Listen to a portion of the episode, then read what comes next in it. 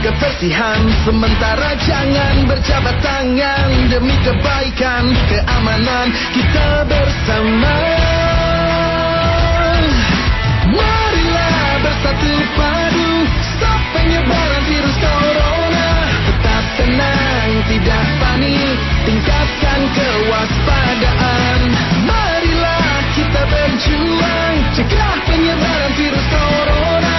Pasti bisa melewati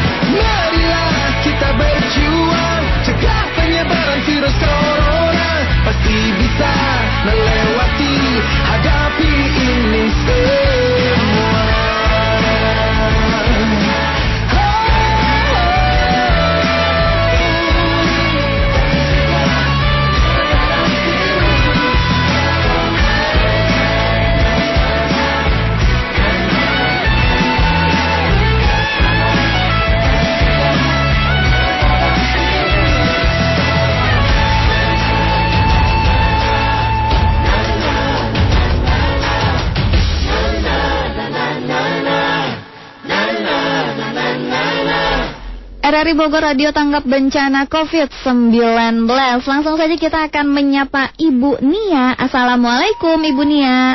Oh, tampaknya terputus sambungannya.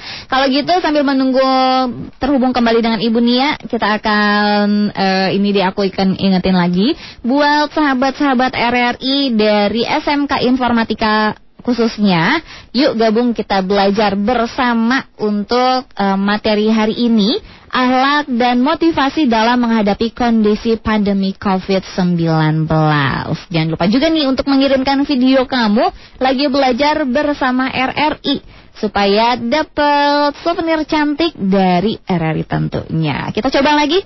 Apakah sudah terhubung kembali dengan Ibu Nia-nya?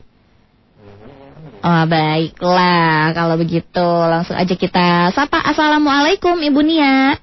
Waalaikumsalam warahmatullahi wabarakatuh. Apa kabar? Apa kabar Ibu? Alhamdulillah sehat. Alhamdulillah sehat. Alhamdulillah sehat sehat sehat. Ibu Nia hari ini kan materinya ahlak dan motivasi dalam menghadapi kondisi pandemi COVID-19 gitu. Nah ngobrolin seputar pandemi eh, COVID-19 gitu, eh, ini juga kan sudah apalagi ketemunya di bulan puasa gitu kan ya Bu Nia ya. Iya. Iya, Bu. Ibu Nia sendiri ini eh, seperti apa sih kiat-kiatnya buat eh, mungkin anak-anaknya tetap harus berada di rumah yang biasanya ngabuburit mungkin di sore hari. apa sih yang dilakukan sama Ibu Nia? Baik Ibu, terima kasih. Eh, izin saya untuk pembukaan dulu ya Bu ya. Oh, mangga silakan, silakan. Boleh. Assalamualaikum warahmatullahi wabarakatuh. Bismillahirrahmanirrahim. Rabbi srahli sadri wa yassirli amri wahlul 'uqdatam min lisani yafqahu qawli amma ba'du. Allah Ta'ala fi kitabil karim, a'udzu billahi. Bismillahirrahmanirrahim. Laqad kana lakum fi Rasulillahi uswatun hasanatu liman kana yarjullaha wal yawmil akhir wa zakurullahu maaf wa zakarullaha katsira. Sadaqallahul azim. Allahumma arhamna bil Qur'an. Alhamdulillah segala puji syukur marilah kita sampaikan kehadirat Allah Subhanahu wa taala yang telah memberikan nikmat iman, Islam, sehat. Salawat serta salam kita junjungkan kepada Habibana wa Syafi'ina wa Maulana Muhammad Sallallahu Alaihi Wasallam. Kepada keluarganya, sahabatnya, para tabiin, dan kepada umatnya sampai akhir zaman. Amin. Yang terhormat pimpinan Radio RRI, beserta Ibu Nurlita, Ibu Rani, dan Ibu Rinda sebagai host, beserta Pak Budi yang telah memberikan kesempatan kepada saya untuk bersilaturahmi melalui udara pada pagi ini. Yang terhormat Bapak Haji Ade Sunario STM, STMSC selaku Ketua Yayasan Nurul Ilma dan Bapak Haji Dodi Mojawan SHMMPD selaku Kepala Sekolah SMK Bina Informatika. Tidak lupa kepada anak-anakku SMK Bina Informatika dan SMK Bina Usada, uh, beserta umumnya kepada siswa-siswi serta pemirsa yang mendengarkan. Para pemirsa setia RRI Radio Tanggap Bencana COVID-19, pada hari ini merupakan jadwal sanlat Ramadan yang akan dibahas kali ini dengan tema sesuai yang disampaikan Ibu Rinda, yaitu uh, ada dua temanya ahlak dan motivasi menghadapi pandemi COVID-19. Terkait pertanyaan Ibu Rinda tadi, kiat-kiat menghadapi situasi pandemi COVID-19 dalam melaksanakan ibadah bulan suci Ramadan ini, uh, tentunya kita sudah tahu Ramadan kali ini berbeda dengan Ramadan sebelumnya. Tetapi meskipun begitu, dalam kondisi ini kita harus semangat, optimis, lalu mari kita mengambil kebaikan dan berusaha mendapat keberkahan. Selanjutnya, karena wabah ini memang sudah terjadi, kita sebagai umat muslim sebagai pelajar anak-anakku, kalian tidak boleh mengeluh, jangan bersedih, tidak khawatir, don, resah, gundah gulana. Uh, yang jelas kita memang harus semangat. Mm -hmm. Intinya berarti ya. kita harus tetap semangat walaupun dalam situasi dan kondisi yang berbeda ya Bu Nia ya. Iya. Baik kalau gitu. Mm -mm. Uh, boleh mm. dimulai langsung saja materinya untuk teman-teman kita khususnya dari SMK Informatika ini seputar akhlak dan motivasi dalam menghadapi kondisi pandemi COVID-19. Silahkan Ibu Nia. Iya, baik terima kasih Ibu Rinda. Anak-anakku sekalian, boleh Ibu menyapa sebentar saja. Gimana kabarnya sehat? Mudah-mudahan sehat ya dan pemirsa semuanya semoga berada dalam lindungan Allah Subhanahu wa taala dan semoga selalu diberikan kesehatan dan keberkahan. Amin ya rabbal alamin. Langsung saja tema kali ini adalah akhlak. Seperti ayat tadi yang sudah saya bacakan uh, mungkin ada yang hafal uh, akhlak di sini uh, ada pengertian yaitu tabiat, perangai, tingkah laku atau kelakuan. Lalu akhlak di sini mempunyai pengertian cerminan diri kita bertingkah laku yang baik dan menjadi suri tauladan bagi keluarga dan masyarakat. Jadi uh, dalam hal ini kita sebagai umat muslim tentunya harus mempunyai akhlak yang baik Allah kepada siapa? Tentunya Allah kepada uh, siapa pun yang kita temui. Nanti akan Ibu bahas uh, bagian-bagian uh, akhlak yang terkait dengan tema ini. Ibu lanjutkan lagi. Arti dari surat Al-Ahzab tadi Sungguh telah ada pada diri Rasulullah itu suri tauladan yang baik bagimu. Yaitu bagi orang-orang yang mengharap rahmat Allah. Dan kedatangannya di hari kiamat yang banyak mengingat Allah. Jadi um, ayat ini menjelaskan bagaimana akhlak Rasulullah itu begitu baik dan sempurna adabnya dan paling baik dalam pergaulannya. Jadi kita sebagai umat muslim tentunya harus mencontoh akhlak beliau. Selanjutnya, akhlak di sini ada tiga anak-anakku yang ibu sampaikan. Yang pertama adalah akhlak kepada Allah. Uh, tapi sebelumnya ibu rasa kalian sudah tahu ya, akhlak itu dibagi dua, akhlak terpuji dan akhlak tercela. Akhlak terpuji itu namanya akhlak apa? Ya ibu rasa kalian sudah tahu ya, boleh dicatat. Akhlak terbagi tiga, yang pertama adalah akhlak kepada Allah. Maksudnya, kita adalah sebagai umatnya harus melaksanakan perintah Allah dan menjauhi larangannya. Dalam hal ini, kita harus menyembah Allah, ya, tidak boleh menyekutukannya. Dan kita harus taat. Bagaimana bentuk taat kita kepada Allah? Ya tentunya kita melaksanakan perintah Allah, di antaranya yaitu melaksanakan sholat, membaca Al-Quran, dan lain-lain. Adapun ayat tentang taat di sini ada di surat An-Nisa ayat 59. Bagi yang sedang membuka Al-Quran, boleh dibaca sama-sama ayatnya. Bismillahirrahmanirrahim. Ya ayyuhallazina amanu ati'ullaha wa ati'ur rasula wa ulil amri minkum. Fa'in tanaza'tum fi syai'in farudduhu ilallahi wa rasuli yang kuntum tu'minuna billah. Billahi wal yaumil akhir Zalika khairu wa ahsanu ta'wila. Sadaqallahul azim. Jadi uh, saat di sini kita harus melaksanakan ibadah. Tentunya uh, ibadah itu harus ikhlas. Apalagi di bulan suci Ramadan ini, uh, mari kita kerjakan amalan-amalan ibadah baik di pagi hari maupun sehari hari. Dan mari kita raih sama-sama keberkahan dan maghfirah dari Allah Subhanahu wa taala. Selanjutnya, Ibu di sini akan menjelaskan tentang ibadah.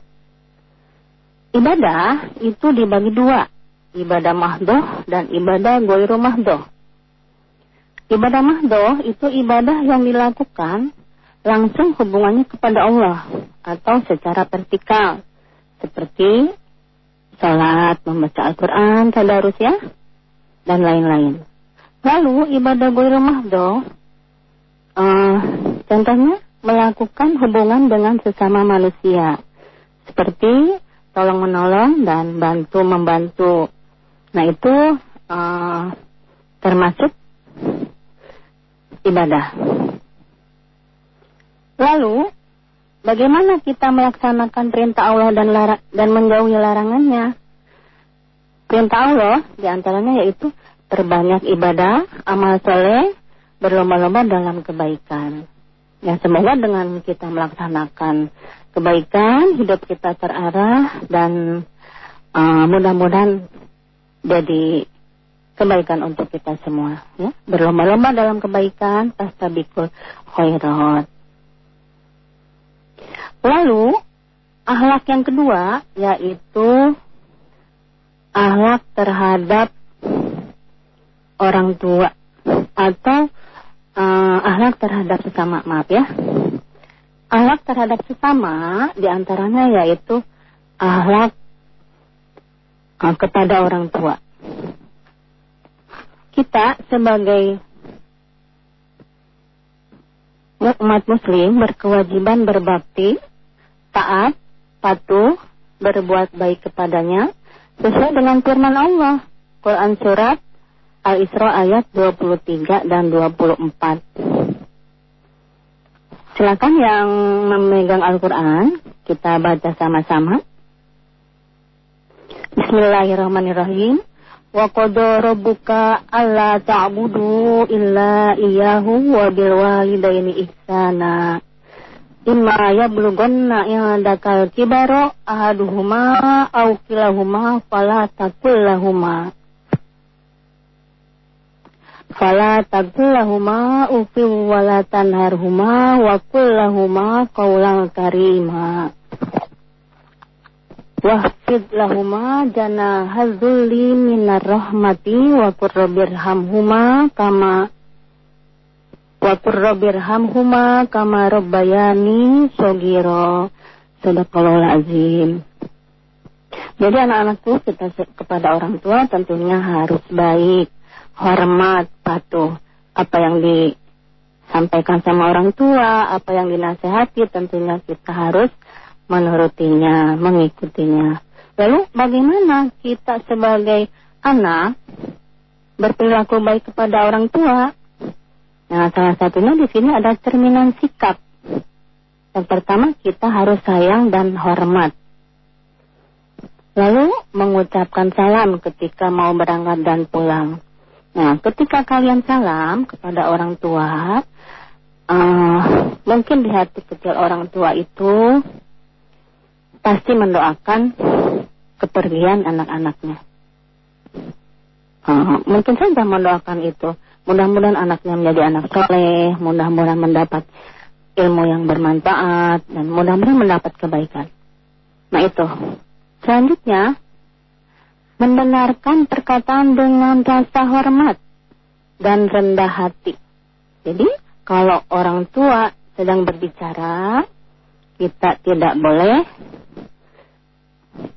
melawannya atau kita tidak boleh mendahulinya. Dengarkan sampai tuntas, baru kita uh, jelaskan. Tentunya dengan kata-kata yang baik, halus, lembut. Karena kita memang harus berkata baik dan sopan. Lalu membantu pekerjaan rumah. Nih, apalagi di bulan suci Ramadan ini, uh, mungkin perempuan ya ketika mau buka puasa menyiapkan takjil atau uh, membantu pekerjaan yang lain. Nah ini uh, diharapkan anak-anak mau mengerjakan itu karena menyiapkan makanan untuk berbuka puasa itu termasuk ibadah ya. Jadi uh, ibu rasa kalian uh, bisa memahami itu. Jadi bantu orang tua ya, ya supaya orang tua kita tidak terlalu berat. Dan mohon maaf jika ada orang tua yang sudah meninggal, mohon maaf sayangnya kita doakan ya melaksanakan wasiat dan menyambung tali silaturahmi. Uh, Ibu lanjutkan kembali. Doa ya, doa anak yang soleh itu dikabul. Jadi uh, ibu harap kalian ketika sudah sholat atau kalian sedang uh, berzikir, berdoa, maka doakanlah orang tua ya. Semoga orang tua kita diampuni. Baik anak-anakku, kita lanjutkan. Ahlak terhadap sesama, yang pertama orang tua sudah, yang kedua adalah berbuat baik kepada guru. Bagaimana berbuat baik kepada guru? Tentunya ini merupakan ada mulia, salah satu faktor penentu kebahagiaan dan keberhasilan seseorang. Jadi kita kepada guru harus hormat juga. Karena guru itu adalah orang tua kita di sekolah. Orang tua kedua di sekolah. Ya, orang tua sudah menitipkan, jadi ketika kalian di sekolah tentunya harus mengikuti aturan-aturan yang sudah ditetapkan uh, dari pihak sekolah. Dan kalian harus uh, mengikuti aturan itu. Selanjutnya, perilaku kepada guru bagaimana? Sama ya tadi, apabila bertemu ucapkan salam ya, lalu salim, dan mendengarkan pelajaran. Nah, ketika mendengarkan pelajaran, uh, diusahakan jangan ngobrol. Jadi, kalau kalian belajar dengan baik, uh, kondusif, tentu kerjasamanya jadi bagus. Dan kalian uh, pasti mengerti dan paham apa yang disampaikan guru. Itu ketika di kelas. Tapi, uh, karena sekarang lagi pandemi COVID-19, uh, belajarnya sistem daring, jadi uh, mendengarkan seperti ini juga itu termasuk uh, akhlak yang baik. Selanjutnya kepada guru yaitu tidak melawan. Nah, kalau guru menasihati ya didengarkan ya, diikuti. Jadi tidak boleh melawan. Tentunya harus sopan santun. Selanjutnya akhlak terhadap saudara, tetangga, kerabat. Nah ini harus baik juga. Berikutnya adalah akhlak terhadap lingkungan. Apa maksudnya akhlak terhadap lingkungan? Yaitu kita harus menjaga lingkungan ini agar tetap asri, tetap indah. Jadi jangan dirusak. Ya. Kalau lingkungan itu indah, bersih, pasti enak dipandang mata. Apalagi uh, dalam situasi pandemi COVID-19, uh, lingkungan kita harus bersih, badan kita juga harus bersih. Ya, termasuk hati kita juga harus bersih. Ya, ada lagu dari Aagin ya. Uh, bagaimana lagunya tentang hati bersih? Pasti pada bisa ya. Jagalah hati, jangan kau kotori, jagalah hati. Ya, ibu rasa kalian pasti bisa untuk lagu itu. Jadi intinya, uh, menjaga lingkungan alam sekitar. Kita harus uh, menjaganya dengan baik, ya. Begitu juga lingkungan kita. Baik, Ibu Nia, uh, kita uh, break dulu sebentar, nggak apa-apa Ibu Nia ya. Ini juga ngasih uh, ngasih kesempatan untuk uh, teman-teman kita dari SMK Informatika untuk mulai bertanya nih di 0811 triple Nanti kita akan lanjut kembali Ibu Nia. Ya, mangga. Sahabat RRI, jangan ke mana-mana. Kita masih bersama dalam acara Belajar di RRI. Program khusus RRI, Radio Tanggap Bencana COVID-19 RRI Bogor.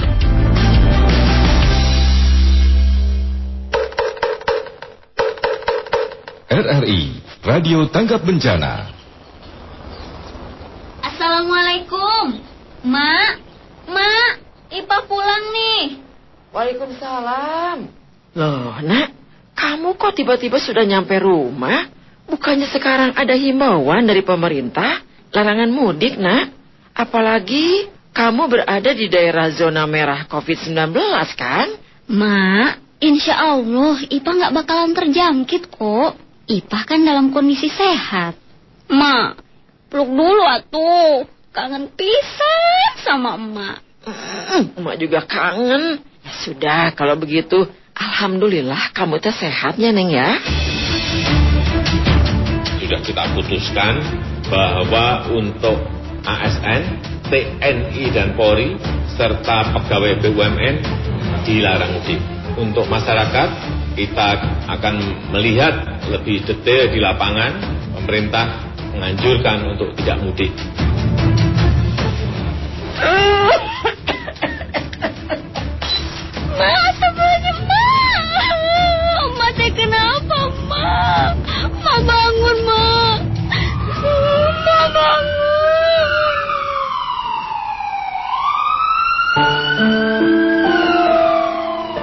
Setelah kita tindak lanjuti, hasil tes pemeriksaan ibu Anda ternyata positif terjangkit COVID-19 atau virus corona. Untuk saat ini, ibu akan dirawat dan dimohon ya agar keluarga tetap di rumah dulu. Kalau boleh tahu, Apakah ibu belakangan ini bepergian ke luar kampung atau ke kota lain? Saya dok, saya yang baru datang dari kota. Nah, itu kan zona merah, Mbak. Kasihan loh ibu yang sudah lansia. Lebih berisiko terhadap penularan. RRI, Radio Tanggap Bencana.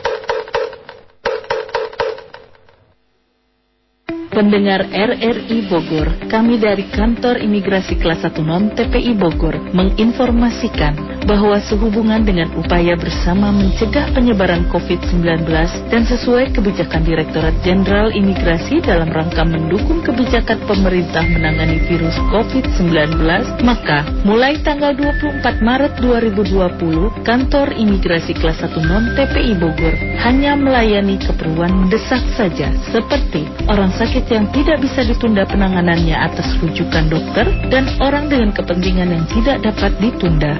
Antrian melalui aplikasi layanan paspor online atau apa-apa akan dinonaktifkan sementara. Untuk informasi lebih lanjut dapat menghubungi 0811119599. Mari bersama cegah penyebaran COVID-19. RRI Radio Tangga Bencana COVID-19 RRI Bogor Radio Tanggap Bencana COVID-19 masih bersama Rinda Merlita di sini dan juga ada Ibu Nia. Silakan Ibu Nia dilanjut kembali untuk materinya. Ibu Nia, coba ya nampaknya sedikit uh, terganggu kembali. Kita coba hubungi lagi. Aku juga mengundang, ayo dong nih buat uh, sahabat-sahabat RRI, jangan lupa di 0811 triple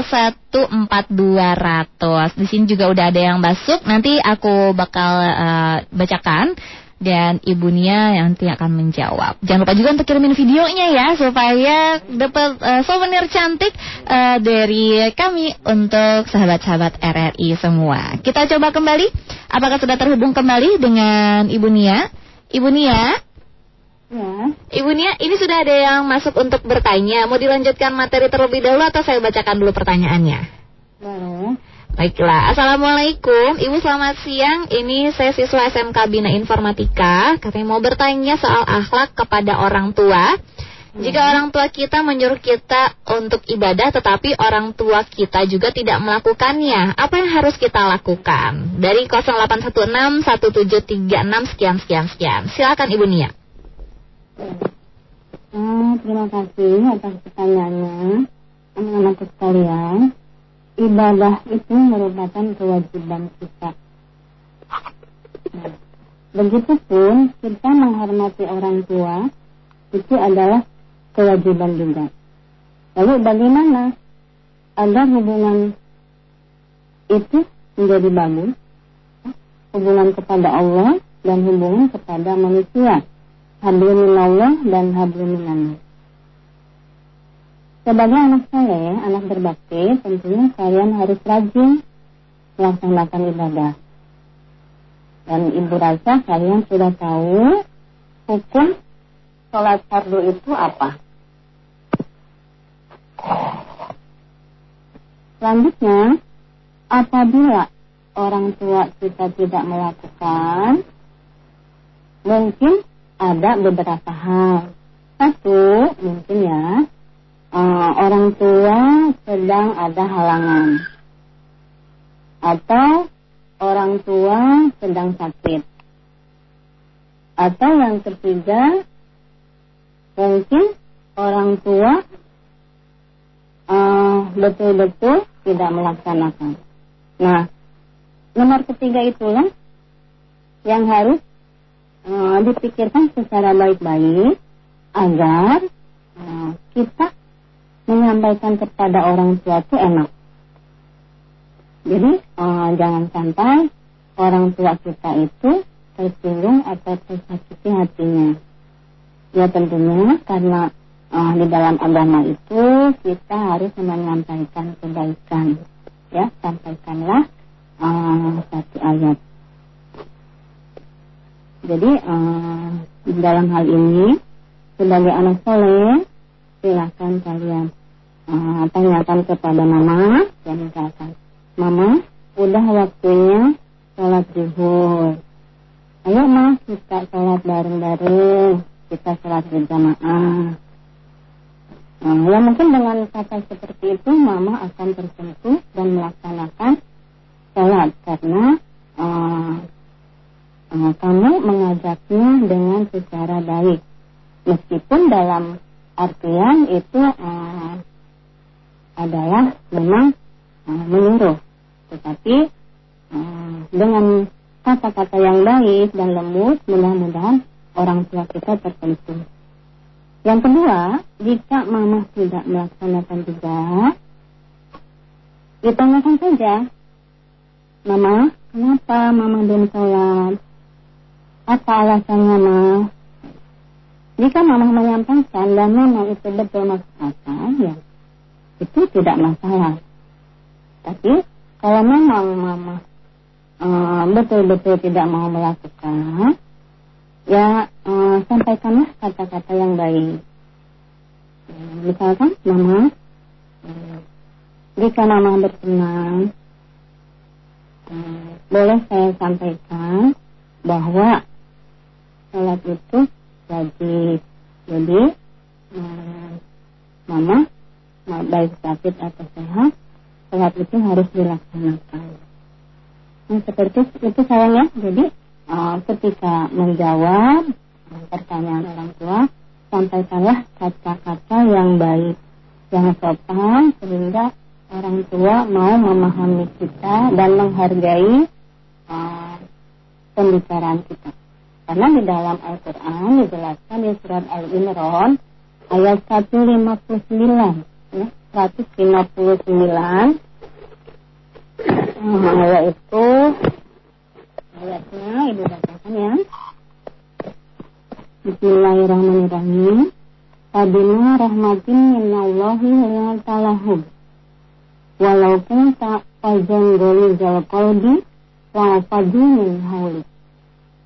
Fa'fu anhum Wastaghfir lahum Wasyawirhum fil Fa'iza azanta fatawakkal ala Allah. Innallaha yuhibbul mutawakkilin.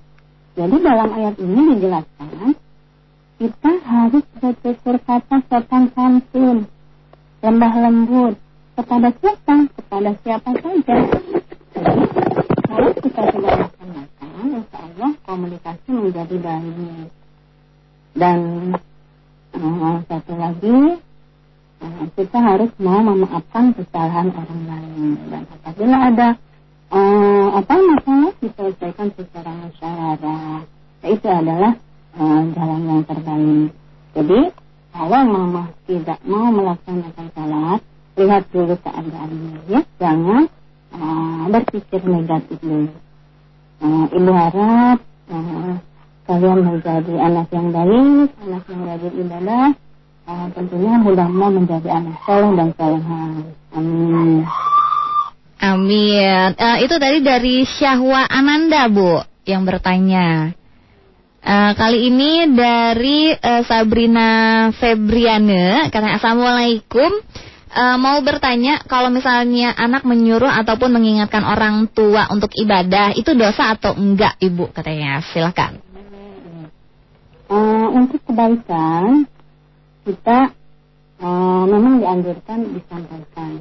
Meskipun itu uh, kepada siapa pun tetapi tentunya dengan cara yang baik. Lihat dulu yang kita ajak bicara. Kalau orang tua uh, tentunya harus dengan kata-kata yang baik dan sopan.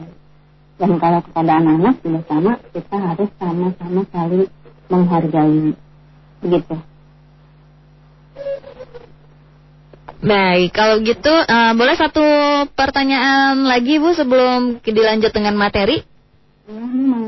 Dari 08179 sekian sekian Assalamualaikum. Ibu saya mau bertanya Bagaimana cara mengingatkan teman? Soalnya kalau misalnya teman diingatkan Suka malah pada ngeledek. Silahkan Ibu. Ya terima kasih Ibu. Anak-anakku uh, Memang uh, karakter seseorang atau sifat seseorang itu berbeda ya. Uh, ada yang rajin, ada yang malas, atau ada yang uh, mungkin dibilang malas juga rajin enggak. Jadi ketika kita menyampaikan uh, seruan untuk melaksanakan ibadah, uh, apabila teman itu tidak mau mendengarkan, ya itu tadi kita harus berkata baik ya jangan uh, sampaikan dengan kata-kata kasar. Kalau berkata kasar um, khawatir teman kita itu tidak mau melaksanakan ya. Mudah-mudahan dengan cara seperti itu bisa um, melaksanakan apa yang diperintahkan oleh Allah ya. Apalagi kalau um, apa menyuruhnya itu dengan kata-kata yang baik dan dengan uh, perkataan atau menjelaskan bagaimana sih hukum sholat itu kalau tidak sholat gimana hukumnya begitu Bu Baik, kalau begitu uh, boleh dilanjut lagi Ibu Nia untuk materi selanjutnya. Silakan. Iya, terima kasih. Anak-anak sekalian, uh, tadi Ibu sudah sampaikan uh, materi akhlak. Ya, Ibu ulangi, mungkin ada yang mencatat dan ketinggalan. Uh, akhlak itu merupakan cerminan diri kita bertingkah laku yang baik menjadi suri tauladan untuk keluarga dan masyarakat. Jadi suri tauladan di sini luas. Ya, bagaimana kita uh, mempunyai akhlak yang baik.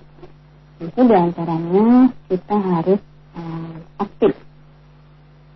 Aktif dalam hal apa? Aktif uh, ketika kalian belajar misalnya uh, harus apa namanya harus uh, mengikuti belajar dengan baik mendengarkan apa yang disampaikan dulu dan apabila ada yang tidak mengerti boleh ditanyakan. Lalu ketika satu kelompok ada tugas semuanya harus bekerja, jangan saling mengandalkan. Intinya kalian harus aktif, jangan pasif. Nah, selanjutnya disiplin, ya disiplin. Bagaimana hmm, kita harus disiplin? Tentunya uh, di dalam surat al-mujadalah ayat 11 yaitu uh, menjelaskan tentang kita harus mau bekerja keras untuk uh, bekerja keras dalam bidang belajar dan bekerja. Dan di sini belajar dan bekerja kita harus kita disiplin. Ketika mau sekolah, kalian berangkat, estimasi di perjalanan 10 menit, dan boleh kalian tambah 20 menit sebelum berangkat ya takutnya di jalan macet. Atau um, misalkan kalian bawa kendaraan takut banyak bocor atau bagaimana. Jadi um, ada antisipasi waktu uh, untuk um, target sampai di sekolah. Sehingga di sekolah itu tidak kesiangan datang tepat waktu uh, selanjutnya ketika kalian pulang sekolah juga sama harus disiplin tidak boleh main pulang ke rumah uh, sholat istirahat makan belajar lalu bantu orang tua belajar kembali dan lakukan aktivitas. Lalu kalau tanya dengan agama bagaimana? Nah kita sebagai umat muslim ketika mendengar azan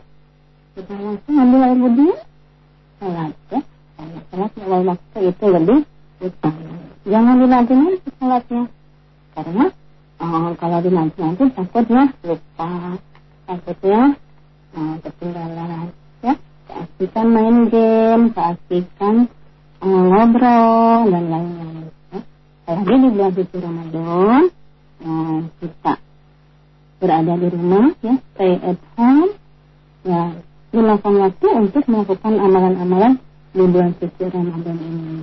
Amalan apa saja? Banyak ya.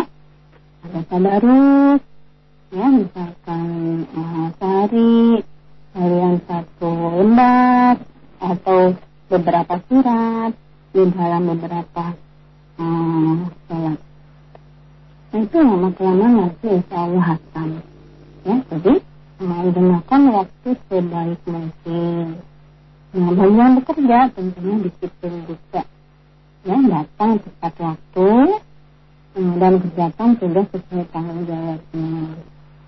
Lalu hmm, selanjutnya suri tauladan kita hmm, harus apa namanya harus semangat dalam men mendapatkan ilmu pengetahuan. Nah, dengan cara apa? Nah, kalian sebagai pelajar di samping belajar di sekolah, Eh, sekarang ada belajar sekundari, boleh kalian dapatkan ilmu itu dengan eh, media-media uh, yang ada di rumah, ya, sarana prasarana yang ada di rumah. Boleh itu mendengarkan tangsiah, boleh itu baca mm, di internet, boleh itu uh, dari surat kabar dan lain-lain. Jadi uh, niatkan dalam diri kita untuk lalu um, belajar agar um, wawasan dan pengetahuan kita bertambah. Ya, karena kalau kita rajin belajar, rajin membaca, misalnya uh, itu menjadikan bekal ilmu ke depannya. Begitu Berinda.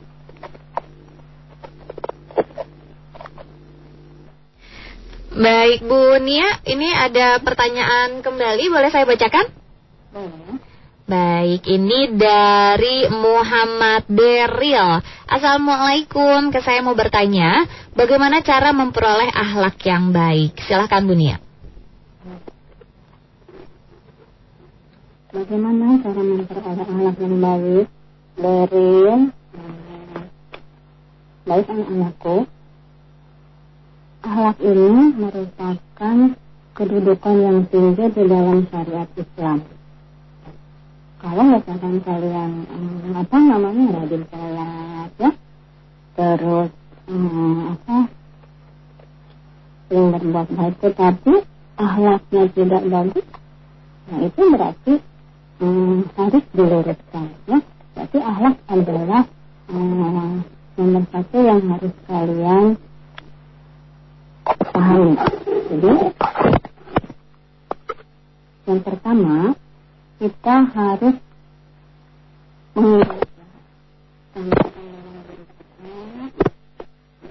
bahwa Allah ada selalu di dalam hati kita. Kita pergi Allah, kita ingat kepada Allah. Jadi kalau kita sudah ingat kepada Allah, kita bisa mendapatkan situasi yang tidak baik, misalkan menyakiti perasaan kita, langsung ingat kepada Allah, berzikir, apa namanya, ya itu yang kau katakan hatiku, semoga engkau memberikan solusi Jadi intinya kita harus selalu ingat Allah, semoga dengan mengingat itu kita mempunyai jalan yang terbaik untuk menghadapi uh, kehidupan atau masalah. Demikian. Baik, kemudian Assalamualaikum. Uh, Ini Intan dari kelas 11 Perbankan SMK Bina Informatika Bogor. Saya ingin bertanya Bagaimana agar kita bisa istiqomah Untuk selalu memiliki akhlak yang baik Ketika kita berada di lingkungan yang kurang baik? Soalnya kan kalau lingkungannya buruk Terkadang kita suka terbawa arus. Begitu, silakan Ibu Nia. Uh, Intan, Intan sayang jadi um, dalam hal ini memang tadi ibu sudah sampaikan akhlak itu memiliki kedudukan yang tinggi. Jadi um, kita harus mempunyai sikap sadar di mana pun kita berada. Dan misalkan kalau ada teman kita nggak aktif ya, nggak enak diajak bicara, atau kita sering tersinggung dengan ucapan teman kita, apa yang saya lakukan tentunya kita harus sadar. Yang mudah-mudahan dengan sadar itu um, apa namanya kita bisa mengontrol diri kita. Ya, ada um, apa namanya mujahadah anak. Jadi um, kita mampu mengontrol diri kita dan ya, emosi kita terkendali. Jadi intinya untuk um, bahasa kita tidak ikut-ikutan. Kita harus mempunyai uh, pendirian bahwa apa yang kita lakukan itu baik. Sebelum kita uh, menyampaikan uh, pikiran kita, kita uh, olah dulu, kita resapi dulu, kita pikir-pikir dulu, baik sih untuk disampaikan kepada teman kita yang sedang uh, mungkin yang sedang emosi. Jadi intinya kita memang harus sabar memilah-milah perkataan sehingga eh, dan tentunya kita tidak boleh uh, mengikuti teman kali uh, teman ya teman kalian kalau memang teman itu tidak baik. Ajaklah dengan seruan-seruan dan uh, secara baik. Begitu intan Baik, terima kasih Ibu Nia dan juga untuk teman-teman dari SMK Informatika yang sudah bergabung. Ibu Nia, karena nih waktunya semakin mepet, pasti kan sebenarnya kalau misalnya ngobrolin seputar ahlak kayak gitu kan nggak cukup sejam ya Bu Nia ya. Iya. Kalau gitu uh, boleh deh closing statement uh, untuk materi hari ini. Silakan Ibu Nia. Bu Rinda saya dikasih waktu berapa menit Ada lima menit lagi Ibu Nia. Iya. Baik anak-anakku, ini terkait dengan uh, pandemi COVID-19. Uh, tentunya yang pertama tadi Ibu sudah sampaikan ke Bu Arinda di di awal yaitu pertama dalam uh, mengoptimalkan ibadah puasa di bulan Ramadan ini agar mendapat keberkahan. Yang pertama kita memang harus semangat ya, move on, bangun. Optimis. Jadi jangan meratapi sedih galau ya. Kita harus laksanakan ibadah ini sebaik mungkin dan kita harus sabar uh, mengikuti aturan dari pemerintah. Apa itu aturan dari pemerintah dalam kondisi pandemi COVID-19 ini? Tentunya uh, anjuran dari apa MUI, Ulil Amri ya pemerintah uh, kita harus meng, uh, apa namanya mengikuti aturan apabila uh, keluar rumah kita harus mem- memakai masker. Terus uh, sering cuci tangan pakai hand sanitizer terus jaga jarak social distancing dan um, apa namanya mengikuti aturan PSBB yang sudah dilakukan oleh uh, pemerintah Kota Bogor di Arya ya. Sekarang tadinya alhamdulillah sudah sehat sudah beraktivitas kembali. Alhamdulillah nah selanjutnya anak-anakku di dalam masa sulit ini mari kita sama-sama uh, sudah ibu sampaikan sabar ya di dalam uh, surat di sini ada alam nasrah laka ya di dalam kesusahan ada kemudahan. Mari kita sama-sama berjuang dengan sabar demi kebaikan dan ketenangan kebahagiaan yang pernah kita raih ya bersatu merupakan cerminan akhlak yang baik bersatu dalam apa bersatu dalam uh, mematuhi peraturan pemerintah ya di antaranya social distancing dan uh, melaksanakan PSBB dan lain-lain tentunya uh, menjaga kesehatan dengan standar kesehatan. Hmm, motivasi yang ibu sampaikan karena waktunya sebentar lagi.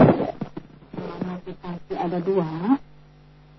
Uh, terkait dengan pandemi COVID-19 yang pertama adalah uh, diambil dari firman Allah yaitu lapas al-huda sebagai petunjuk. Ya petunjuk untuk memilih mana yang benar dan mana yang salah. Ini uh, sama dengan Al-Furqan ya. Um, Al-Huda dan Al-Furqan ini adalah nama lain Al-Quran. Jadi uh, ini merupakan petunjuk bagi kita untuk memilih mana yang benar dan mana yang salah. Lalu uh, petunjuk yang bagaimana? Tentunya uh, petunjuk itu didapatkan dari pengetahuan dan pengalaman. Di antaranya yaitu melakukan kebersihan ya, standar kebersihan. Yang kedua, eh, motivasinya adalah asal takilun. Eh, ini artinya adalah tidak berpikir. Maksudnya eh, dengan adanya virus ini kita harus bagaimana? Kita harus berpikir bagaimana agar kita terhindar dari virus itu. Ya tentunya kita harus jaga kebersihan. Ya, lingkungan, rumah, diri kita. Ya hati kita juga harus bersih. Selanjutnya yang ketiga, Rabi Jizi Ilman ya. Jadi ilmu pengetahuan dengan cara sesuai media yang ada. Jadi kita gunakan waktu sebaik mungkin untuk mendapat ilmu pengetahuan. Ada ya. Tolabul ilmi faridatun ghaffar. Tolabul ilmi minal jannati. Kalau kita mendapat ilmu pengetahuan akan didapat ampunan dan kebahagiaan. Itu eh, motivasi dari penyelamat. Lalu motivasi umum yaitu melakukan kebersihan. Kita mengajarkan kita harus bersih. Ya. Ketika kita wudhu, kita bersuci, itu uh, merupakan salah satu anjuran dalam agama. Lalu uh, ada petapah mengatakan kebersihan tanpa kesehatan. Kita memang dari dulu harus bersih hikmah dari ada pandemi ini kita senantiasa selalu bersih. Di mana pun kita berada ya membiasakan bersih berarti kuman-kuman terhindari. Jadi intinya dalam pandemi kita ya jangan terlalu semangat lakukan kebersihan standar kebersihan. Jangan melanggar PSBB dan jangan dalam peribatan jadi kita harus memahami ada dua dimensi. Dimensi uh, spiritual dan dimensi material. Apa itu dimensi spiritual? Nah itu kita istiadat berdoa kepada Allah semoga kita diberikan kesehatan dan semoga uh, virus ini cepat berakhir dan kalian bisa kembali beraktivitas. Lalu dimensi material yaitu uh, kita menjaga kebersihan uh, sesuai standar yang sudah dilaksanakan ya. Uh, terutama bagi para dokter yang sedang uh, merawat pasien-pasien COVID-19 ya, baik dokter, perawat, uh, dan uh, uh, apa namanya teman-teman medis lainnya semoga Allah memberikan kesehatan, kekuatan dan uh, keberkahan. Baik Bu Arinda, boleh saya minta waktu untuk tutup dengan membaca doa? Uh, baik Ibu, tapi uh, sisa waktunya tinggal satu menit Ibu. Baik, silakan Ibu Nia. Nah, nanti kita berdoa ya, semoga Allah senantiasa memberikan kesehatan kepada kita, perlindungan dan kekuatan uh, kita yang saja. Bismillahirrahmanirrahim. Rabbana la tu'ahidna illa sina aw ahtana.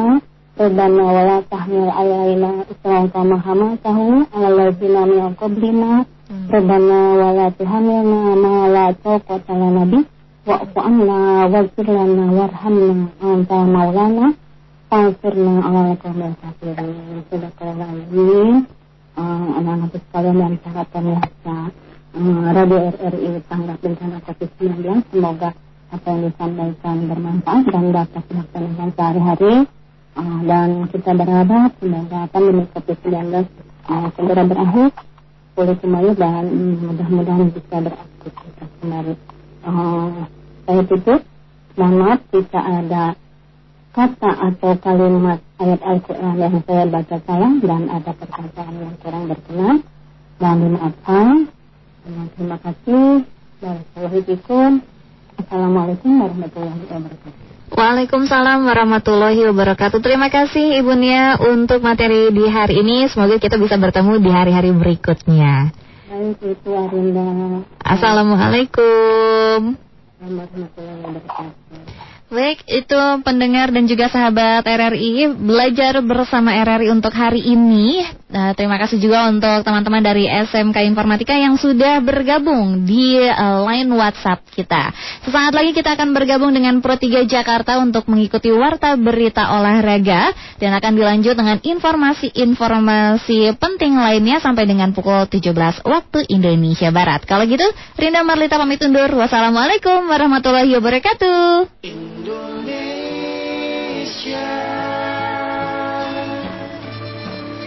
Hadapilah Dengan tulus dan ikhlas. Ini pasti berlalu. Indonesia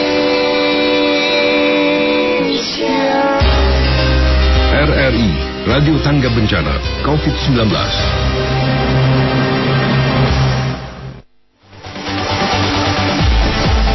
Demikian program siaran Ibu Pertiwi